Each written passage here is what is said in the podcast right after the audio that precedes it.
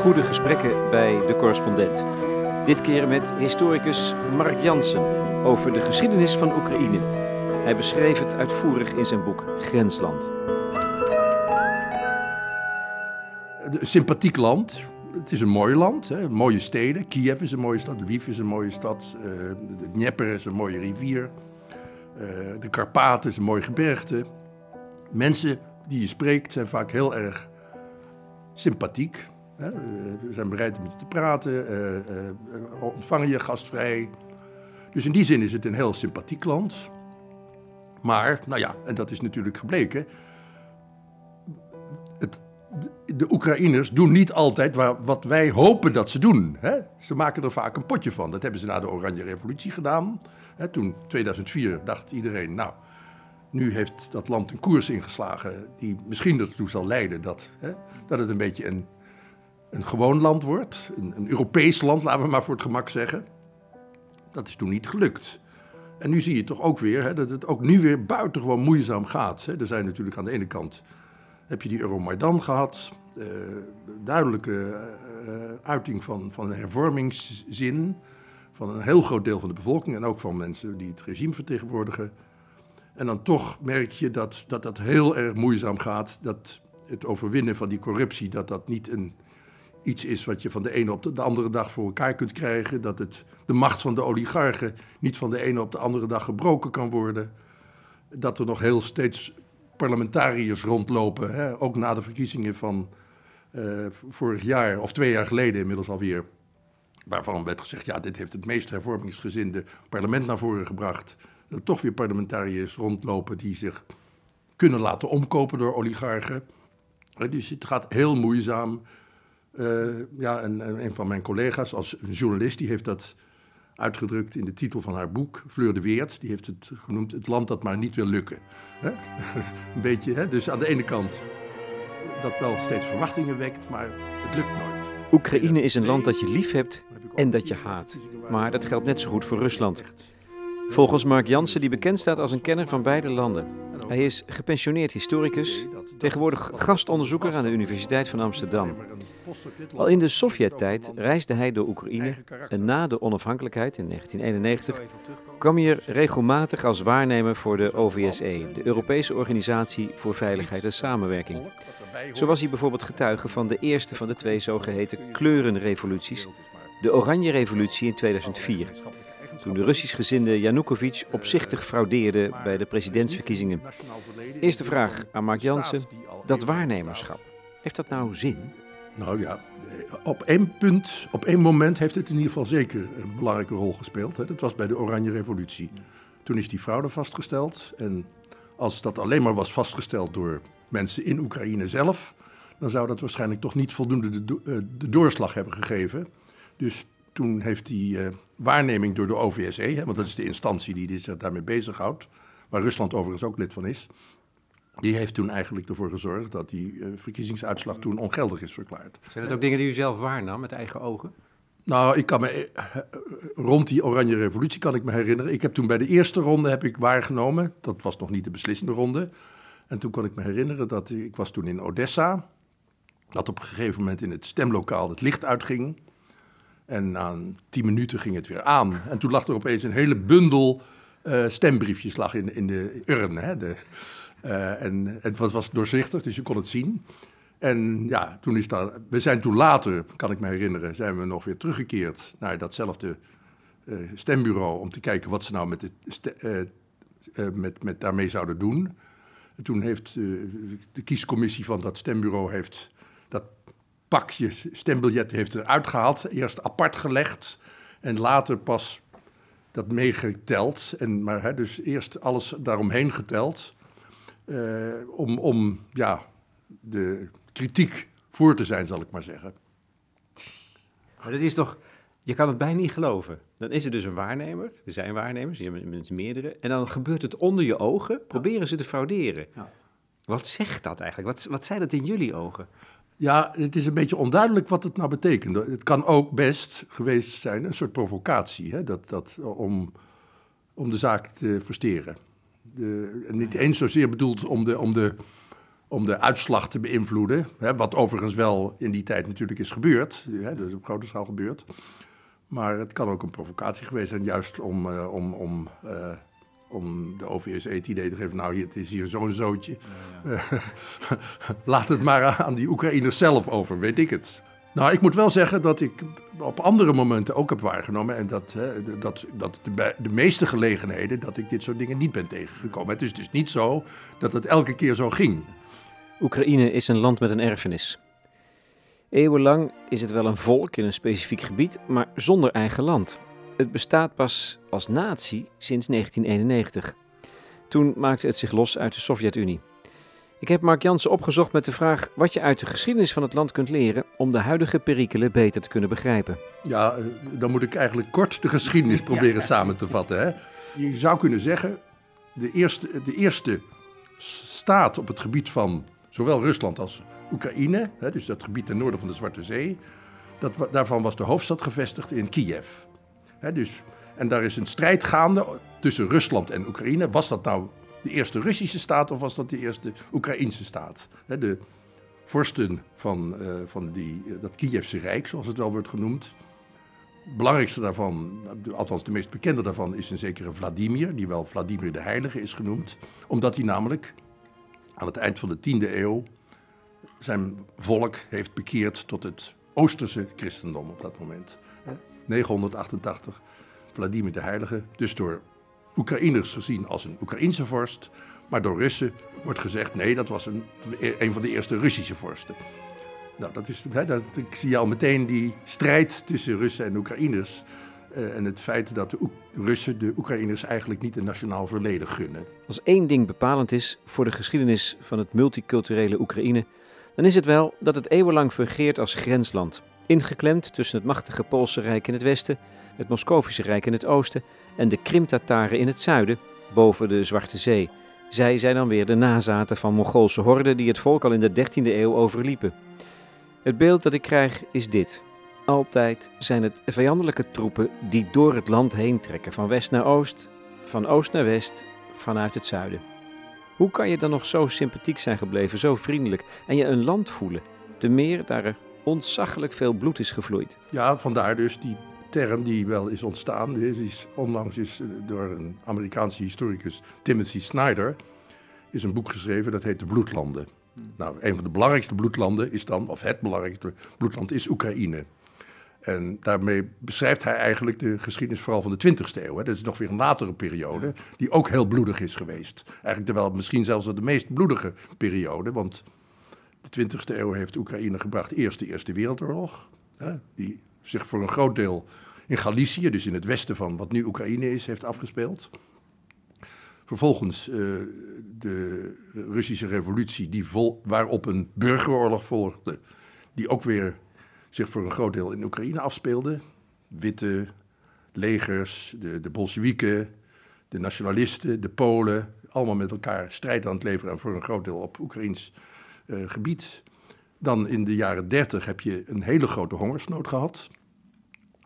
Waarvan wel wordt gezegd dat die eigenlijk georganiseerd was door, de, door het regime. Hè, dus door Stalin zou je kunnen zeggen. 32, 33 is het hoogtepunt daarvan geweest. Uh, Oekraïners spreken van een genocide. Russen vinden dat een term die niet gepast is, maar die erkennen wel dat er veel mensen omgekomen zijn. De schatting is op minstens tussen de 2,5 en de 4 miljoen boeren hè, zijn daarbij omgekomen. Op een, op een bevolking van, nou ja, wat zal het geweest zijn? 30 miljoen op zijn hoogst. Hè, dus meer dan 10 procent en dat met name op het platteland. Dan vervolgens de Tweede Wereldoorlog die natuurlijk ook in Oekraïne heel veel slachtoffers heeft geëist. Vooral de, het Joodse bevolkingsdeel is daar natuurlijk toen hè, gedecimeerd. Uh, men spreekt wel van de holocaust kogels, omdat de Joden. Hè, dit was echt het, het, het kerngebied van de, van de Oost-Europese Oost Joden. Hè, de stettels, die waren daar gevestigd in dat Oekraïnse gebied. En die zijn uh, vaak voor een, uh, weggevoerd naar een plek in de buurt van hun stad waar ze woonden en daar omgebracht, hè, met machinegeweren neergeschoten. Babi Yar is de beroemdste plek waar dat heeft plaatsgevonden. Dat is een ravijn in de buurt van Kiev en daar zijn in twee dagen iets van 33.000 Joden zijn daar neergeschoten. Maar als je dit nou weet, hoe, als dit de erfenis is van die groep mensen die daar toch een soort volk zich voelen. 45 miljoen mensen. 45 miljoen mensen. Ja. Hoe kunnen zij dan toch nog zo zachtaardig zijn en zo vriendelijk zijn als je ze beschreven hebt? Nou ja, ja. Dat is natuurlijk inderdaad een, vraag die je kan stellen. Ze hebben natuurlijk daarna, hè, is er een periode geweest. De mensen die nu zijn opgegroeid, dat zijn mensen die toch in min of meer vreedzame omstandigheden zijn opgegroeid. Ja. Dus de belofte zit ook wel misschien in de allerjongste generaties. Zo, zo kun je dat ook wel begrijpen. Dat is, dat is in ieder geval hè, waar men, hè, de hervormers, die hebben hun hoop vooral gevestigd op die jonge generatie. Laten we zeggen de mensen tussen de 20 en de 35 jaar. Dat zijn de mensen die zijn opgegroeid eigenlijk na de Sovjetperiode. Hè, die 1991 is de Sovjet-Unie uit elkaar gevallen. Dus uh, mensen die 35 zijn nu, die waren toen rond de 10. Hè, die zijn dus eigenlijk helemaal opgegroeid in die periode. En die hebben een heel andere mentaliteit dan de mensen die nog echt de Sovjetperiode hebben meegemaakt. Die vaak toch uh, ja, geneigd zijn om, uh, om, om te denken, nou de staat regelt alles wel voor ons. Hè, en we wachten gewoon af, we ondernemen zelf niks. De jongere generatie die is bereid om de handen uit de mouwen te steken, om zelf iets te doen. Maar die wil dan ook wel dat er een land zich ontwikkelt dat, dat uh, mee kan in hè, in de tijd en dat zich niet langer in, dat, uh, Sovjet, uh, in die Sovjet-erfenis wentelt, maar die, ja, die zich, dat, een land dat zich toch meer voegt naar de Europese normen. Dat is volgens mij de tweede erfenis. En anders, die twee erfenissen moet je naast elkaar zetten, anders begrijp je volgens mij niet wat er aan de hand is, wat de strijd is die uitgevoerd wordt. Dat is die Sovjet-erfenis. Want je denkt, oké, de Sovjet-Unie viel uit elkaar met hulp van uh, Gorbachev en anderen. En toen waren ze vrij. Maar dat is echt een cruciale vergissing volgens mij. Er was een erfenis en die, en die werkt door tot op de dag van vandaag. Wat, wat mag je daarbij niet over het hoofd zien? Wat is dan kenmerkend voor die Sovjet-erfenis? Dat is die corruptie, denk ik. Niet alleen de corruptie, ook uh, in 1991 werd het land dus onafhankelijk. Hè, is toen Eerst zijn er, is, het parlement heeft een onafhankelijkheidsverklaring aangenomen, 24 augustus 1991. En in december mochten de Oekraïners daar in een referendum, hè, ook een referendum, mochten daar hun mening over geven. En toen heeft niet alleen in uh, het midden en in het eh, westen van Oekraïne, maar ook in wat nu de Donbass is, en zelfs op de Krim, heeft, hè, waar dan een Russisch-talige en zelfs Russisch-etnische meerderheid zich bevond, heeft toen meer dan 60% voor onafhankelijkheid gekozen. Communistische apparatchiks waren ook voor die onafhankelijkheid. En heel veel van mensen uit de bevolking die dachten. Uh, Oekraïne is een rijk land, uh, is de graanschuur van Europa, zo stond het altijd bekend. Heeft een industriële ontwikkeling doorgemaakt, vooral in het Donbassgebied. En, en maar dat, dat de opbrengsten van die van die economie die worden afgeroomd door Moskou. En als dat niet meer gebeurt, dan worden wij rijker. Dan worden wij welvarender. Dat was het idee dat heel veel mensen hadden van die, van die onafhankelijkheid. Helaas is dat dus niet uitgekomen, want uh, de overgang van de planeconomie, die natuurlijk de Sovjet-economie was, hè, waar alles van bovenaf werd geregeld, naar een markteconomie, die is, dat is een heel moeizaam proces. En, hè, uh, en uh, een markteconomie heb je niet in één of twee jaar heb je die opeens op poten gezet. Dus dat duurt uh, misschien wel een aantal decennia. Ja. En de, maar want, ook de planeconomie die werkte tot op zekere hoogte. Hij werkte slecht. Ja. Het beroemde verschijnsel van de rijen, van de, de, te weinig producten en rijen voor de winkels. Uh, maar hij werkte toch op een bepaalde manier. En toen dat dus ook wegviel, toen had, het, had men eigenlijk niks. Zat men met, stond men met lege handen. Maar die planeconomie werkte, maar alleen dankzij een totaal doorgevoerde corruptiesysteem. Het was bijna systematisch, die corruptie. Als sluiksysteem om die economie toch nog draaiende te houden, toch? En, en, dat, en die corruptie bleef wel bestaan. Nou ja, er wordt wel eens gezegd, de planeconomie werkt eigenlijk niet... Maar het smeermiddel van de planeconomie is de corruptie. Hè? Dat, ik bedoel, uh, af en toe dan uh, neemt er eens iemand initiatief. Daar zijn wel wat steekpenningen aan verbonden. En dan zorgt hij ervoor dat er toch hè, de eindjes op elkaar worden aangesloten. Die corruptie was dus in die zin een, een Sovjet-erfenis. Dat hoorde bij de planeconomie. Men hoopte natuurlijk dat na 1991 die corruptie zou wegvallen. Hè, dat, dat er een markteconomie zou worden ingevoerd met een normale, die, die normaal zou functioneren. Maar die corruptie die is niet minder geworden, maar die is juist nog weer groter geworden. Toen kwam nog iets bij. Toen kwam nog een derde verschijnsel bij, de verschijnsel van de oligarchen. dus er kwam opeens, werd het staatsbezit werd te koop aangeboden. Voor een deel waren dat de fabrieksdirecteuren, dus de communistische bonzen, die dat, daar uh, gebruik van maakten. Maar er waren natuurlijk ook mensen die iets meer verstand van economie hadden dan de gemiddelde Oekraïner. Nou, dat was niet zo moeilijk. En die konden in dat gat duiken en die konden zich op die manier heel snel verrijken. En de rijkste mensen daarvan, dat, die worden dan de oligarchen genoemd. Hè. Dat zijn mensen die, uh, die echt in een hele korte tijd schatrijk zijn geworden, miljarden hebben uh, zich toegeëigend. Maar niet alleen economische macht hebben gekregen, maar ook politieke macht hebben zich toegeëigend. En daar ook hè, in de periode vanaf, vanaf 91 tot nu ook veel gebruik of eventueel misbruik van hebben gemaakt. Want dat verklaart waarom het zo moeilijk te veranderen is, denk ik. Die hervormingen door te voeren zijn. Omdat die 16 oligarchen, want zoveel zijn het er volgens mij. Nou ja, dat er 14 zijn of 17, maar het is een handjevol, handjevol mannen. Ja, ja oké, maar goed. Maar die hebben die, dat, dat parlementaire systeem van die jonge republiek volledig in de greep via stroommannen in het parlement. En, en, en daar komen die beelden ook vandaan van die vechtende parlementariërs, waarvan je denkt het is het Wilde Westen, uh, een, een bananenrepubliek. Maar dat komt door de invloed van die oligarchen, denk ik.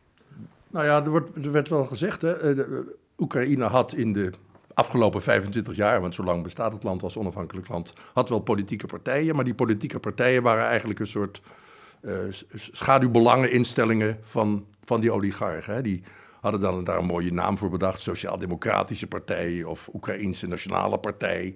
Maar in feite waren dat gewoon belangenvertegenwoordigingen van die oligarchen. Ja, de paradox is, lijkt mij, dat in Rusland heeft Poetin de, de, de, de macht van de oligarchen, oligarchen in Rusland gebroken, maar bijna met dictatoriale middelen.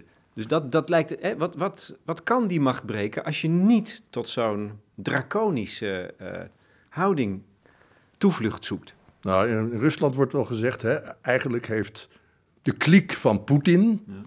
heeft zichzelf eigenlijk voor de oligarchen gedrongen. gedrongen. Dat zijn natuurlijk ook mensen die. Hè, wat, is, wat is het idee van een oligarch? Dat is iemand die economische macht en politieke macht heeft. Nou, de mensen rond Poetin, die, hebben eigenlijk, die zijn begonnen met politieke macht, maar die hebben zich economische macht ook toegeëigend. Um, en in uh, Oekraïne, hoe kan je die macht breken? Ja, men hoopt, ervan, men hoopt erop dat aan de ene kant dat de druk van twee kanten in staat is om die macht te breken. Namelijk aan de ene kant van wat dan heet de civil society, de Oekraïnse civil society, hè, dus die daar heel erg ontwikkeld is. Dat bleek wel uit, uit die Euromaidan. Hè, dat is natuurlijk toch een uiting van uh, een, maatschappelijk ongenoegen. Ja. Dat zich vertaalt in zo'n uh, uh, maandenlange demonstraties. Dus burgers die zichzelf organiseren. En als daar een nieuwe instituties oprichten. Ja. En ook instituties. dat wordt trouwens in, in Rusland wordt het vrijwel onmogelijk gemaakt. de ontwikkeling van een civil society. Dus aan de ene kant de druk van die kant. Maar men, men denkt in Oekraïne, alleen kunnen wij dat niet. We hebben daarbij de druk van buitenaf ook nodig. En de hoop is dus dat dat associatieverdrag van met, met de Europese Unie uh, ertoe zal bijdragen dat, er, dat die druk vanuit de Oekraïnse maatschappij wordt aangevuld met druk vanuit Europa, vanuit het Westen. Amerika speelt natuurlijk ook een rol. En, en eh, dan hoopt men dat die oligarchen op die manier in de tang worden genomen en dat dat op den duur, dat zal ook niet van de een op de andere dag gebeuren, op den duur ertoe zal leiden dat die macht steeds geringer wordt en uiteindelijk misschien gebroken zal worden.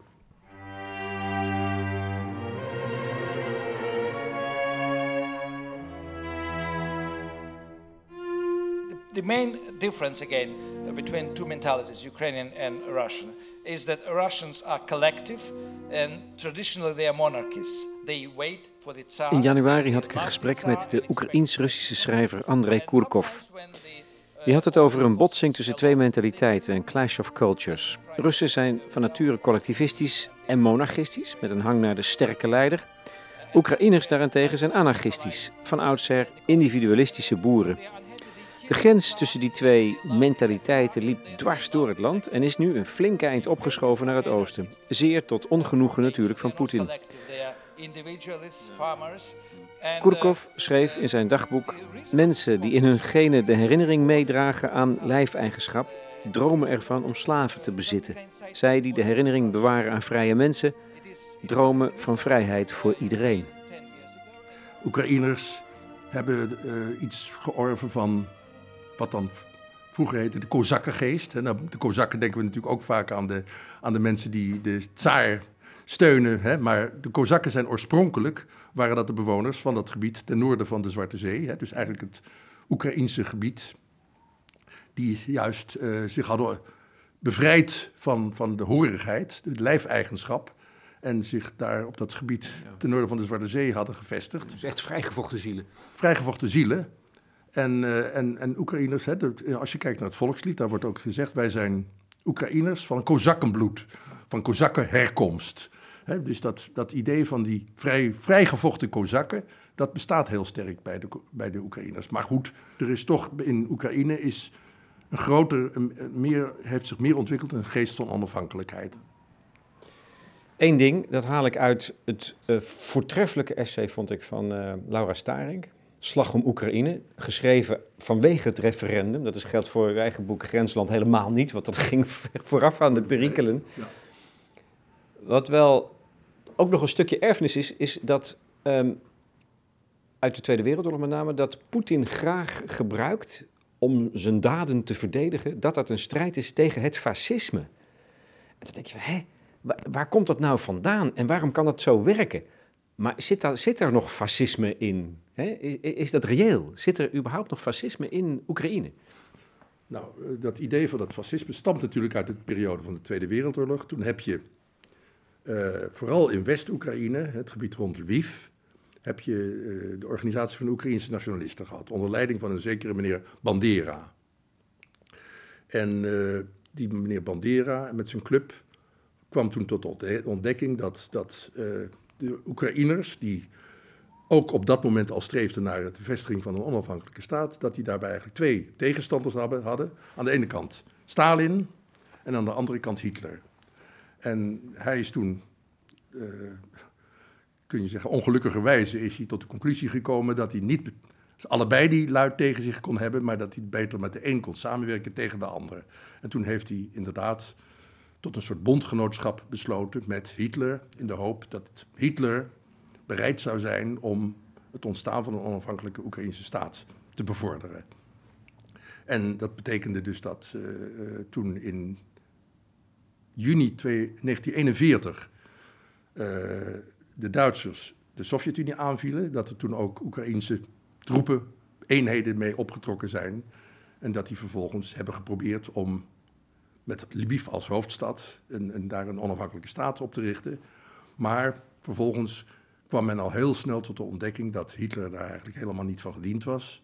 Dat hij uh, het gebied wat hij net veroverd had beschouwde als levensruim voor uh, Duitse kolonisten. Hè. Dat, en die Oekraïners die zaten maar in de... De Joden moesten sowieso worden uitgeroeid. De Oekraïners die moesten... En de Russen, beide, die moesten ofwel uh, over de Oeral worden gedreven, of ze moesten doodgehongerd worden, of ze mochten eventueel nog als letterlijke slaven, hè, niet figuurlijke slaven, moesten ze in dienst van de Duitsers uh, verder leven. Dus dat, dat idee. En toen heeft Bandera zich vervolgens ook. Hij zat overigens zelf gevangen, moet ik erbij zeggen. Maar zijn aanhangers die hebben zich toen vervolgens ook tegen Hitler verzet. Dus, dus hebben, toen op een gegeven moment hebben ze ervoor gekozen om twee fronten strijd te voeren. Maar die erfenis uit de Tweede Wereldoorlog, die wordt nog steeds in Rusland uh, heel erg gebruikt. Dus eigenlijk iedere Oekraïner die streeft naar een nationale staat, wordt geassocieerd met die meneer Bandera en zijn club. En is dus per definitie, omdat het toevallig ze voor dezelfde zaak strijden, is per definitie een neonazi of een fascist.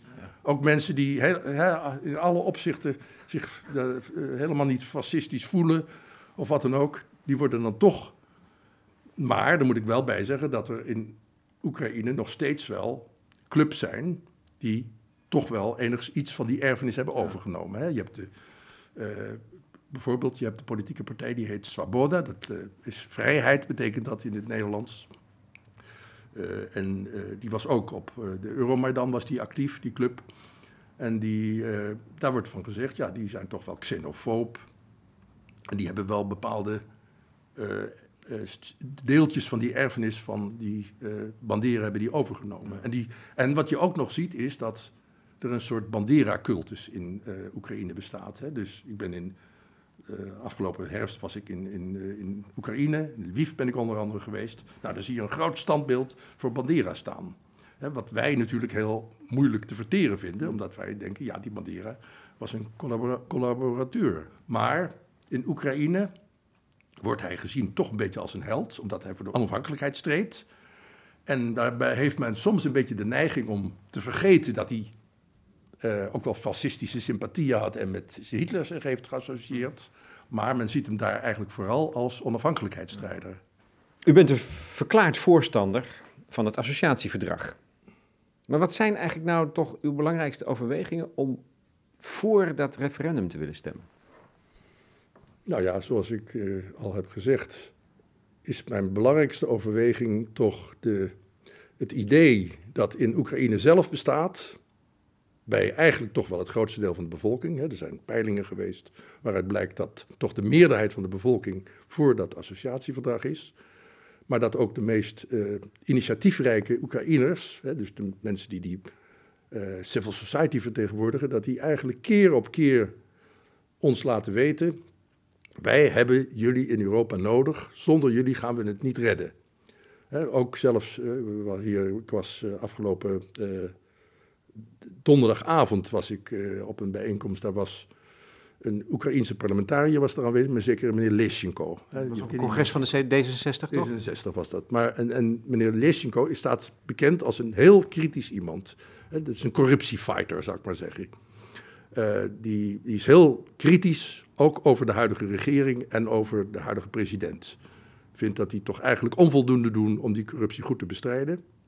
Niettemin heeft ook die meneer Leschenko op die avond heel duidelijk een beroep gedaan op de Nederlanders om vooral dat verdrag te steunen, want zonder dat verdrag is het voor hun veel moeilijker om dat voor elkaar te krijgen. dus uh, alleen al het feit dat, dat dit soort mensen dat, dat graag willen, is voor mij een overweging om, om ook, ook ja te gaan stemmen. En, en bovendien, ja, wat is er überhaupt tegen dat associatieverdrag? Hè? Ik bedoel, het is een, handelsverdrag. En aan de ene kant, nou, ik geloof zelfs dat Harry van Bommel heeft gezegd dat hij met een handelsverdrag eigenlijk daar geen problemen heeft. En daarnaast is er een politiek verdrag dat juist uh, ernaar streeft om, uh, om, om de Oekraïnse normen aan te passen aan de Europese normen. Dus juist de Oekraïners te steunen in die strijd tegen de corruptie, in die strijd tegen de oligarchen. En hè, als je dat het handelsverdrag alleen neemt en dat politieke deel weglaat, dan werkt dat verdrag dus niet. Speel je Poetin in de kaart als je nee stemt? Nou, Poetin wil in ieder, geval graag, in ieder geval graag dat Europa verdeeld is. Dat hij dus uh, niet hoeft te praten met Brussel, maar dat hij kan praten met nationale regeringen. En dat hij uh, ook binnen landen, dat hij daar kan helpen de, de maatschappij te splitsen in, in pro- en anti-Russische gevoelens. In de hoop dat hij van, nou, eigenlijk gewoon het klassieke verdeel en heers. Hè, als, als Europa niet uh, als één, met één stem spreekt, dan is het voor hem makkelijker om, om zijn zin door te zetten. Hè. Dus die sancties die nu door Europa zijn ingesteld uh, tegen Rusland, omdat de Russen een, een deel van een buurland voor een deel hebben geannexeerd, voor een deel daar rotzooi hebben getrapt. En die zouden daar makkelijker op te heffen zijn. Hoe moeilijk is het hè, om je als land aan de invloedssfeer van Rusland en Poetin te ontworstelen? Want daar gaat het eigenlijk over. dat, is, dat staat op het op het spel. Ja, en dat geldt niet alleen voor, uh, voor Oekraïne. Er zijn natuurlijk nog een aantal voormalige Sovjetlanden die, met een, die in dezelfde situatie zitten. Moldavië bijvoorbeeld, uh, Georgië, waar we ook een associatieverdrag mee hebben gesloten als EU. Daar wordt overigens niet over gekikt. Maar stel nou eens dat, dat het mislukt in Oekraïne en in Georgië en Moldavië, dan zijn vervolgens de Baltische landen, hè, die inmiddels wel bij de EU horen en zelfs zich bij de NAVO hebben aangesloten, die zijn bang dat zij dan de volg het volgende slachtoffer zouden kunnen worden. Ja, dat hoor je ook vaak zeggen, Poetin stopt niet. Nou, dat weten we niet. Hè. Nee, maar goed, dat hoor je wel vaak zeggen. Want hij... Nou ja, een van de overwegingen voor Poetin om wel te stoppen zou kunnen zijn het feit dat die landen inmiddels bij de NAVO zijn. Maar hè, je hebt het artikel 5, hè, een aanval van op één is een aanval op alle.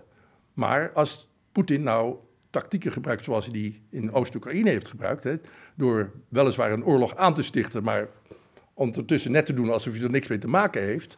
Als hij bij wijze van spreken ook in de Baltische landen iets van een hybride oorlog op poten zou zetten, wat is dan de reactie van de NAVO? Dan kunnen ze niet zeggen, nou ja, Rusland valt de Baltische landen aan, dus wij moeten tussen beiden komen. We weten eigenlijk niet wat, uh, waar een dergelijke situatie kan, toe kan leiden. Ik denk dat de bedoeling was geweest om een veel groter deel van Oekraïne ja, ja. Uh, los te weken van de macht van Kiev. Hè. Dus werd toen, op dat moment had Poetin het over het gebied van Nieuw-Rusland, Novorossia. En dat was een gebied dat veel groter was, dat helemaal van Kharkov tot voorbij Odessa tot aan de uh, Transnistrië, hè, dat, dat spookstaatje bij Moldavië liep. En, en dat was eigenlijk het idee dat dat zich los zou weken van, van Kiev. En dat dat, ja, wat dan vervolgens de status van dat gebied zou worden, dat was onduidelijk. En, en daar heeft Poetin zich eigenlijk op verkeken. Hij heeft gedacht, uh, daar is een, een, de stemming onder de bevolking van dat gebied, die is een beetje twijfelachtig. En dat is heel makkelijk om dat naar de Russische kant te laten doorslaan. En te vervolgens is gebleken dat toch veel meer mensen in dat gebied eigenlijk daar helemaal niet voor voelden. Is dat eigenlijk een optimistisch signaal als je tegen Poetin bent? Dat je denkt van, hé, hey, daar zien wij de grens van zijn, zijn macht, dus, dus het begin van zijn zwakte? Nou ja, hij is in ieder geval, hij, is niet, uh, hij heeft niet alles onder controle. Ja.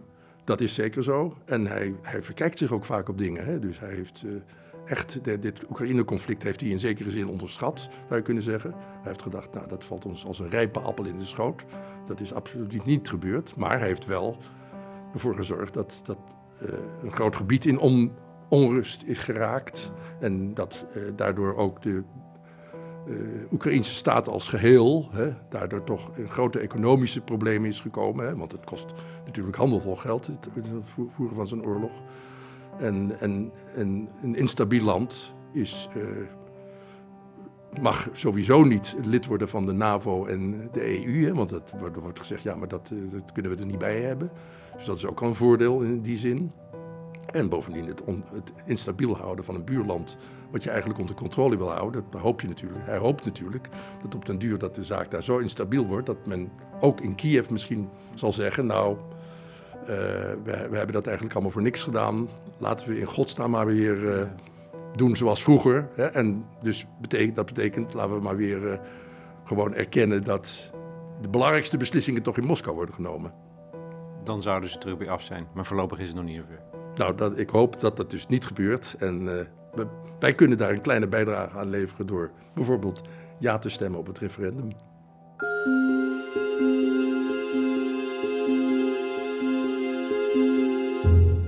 Mark Jansen in gesprek met Lex Bolmeijer over Oekraïne, oftewel het grensland, voor de correspondent.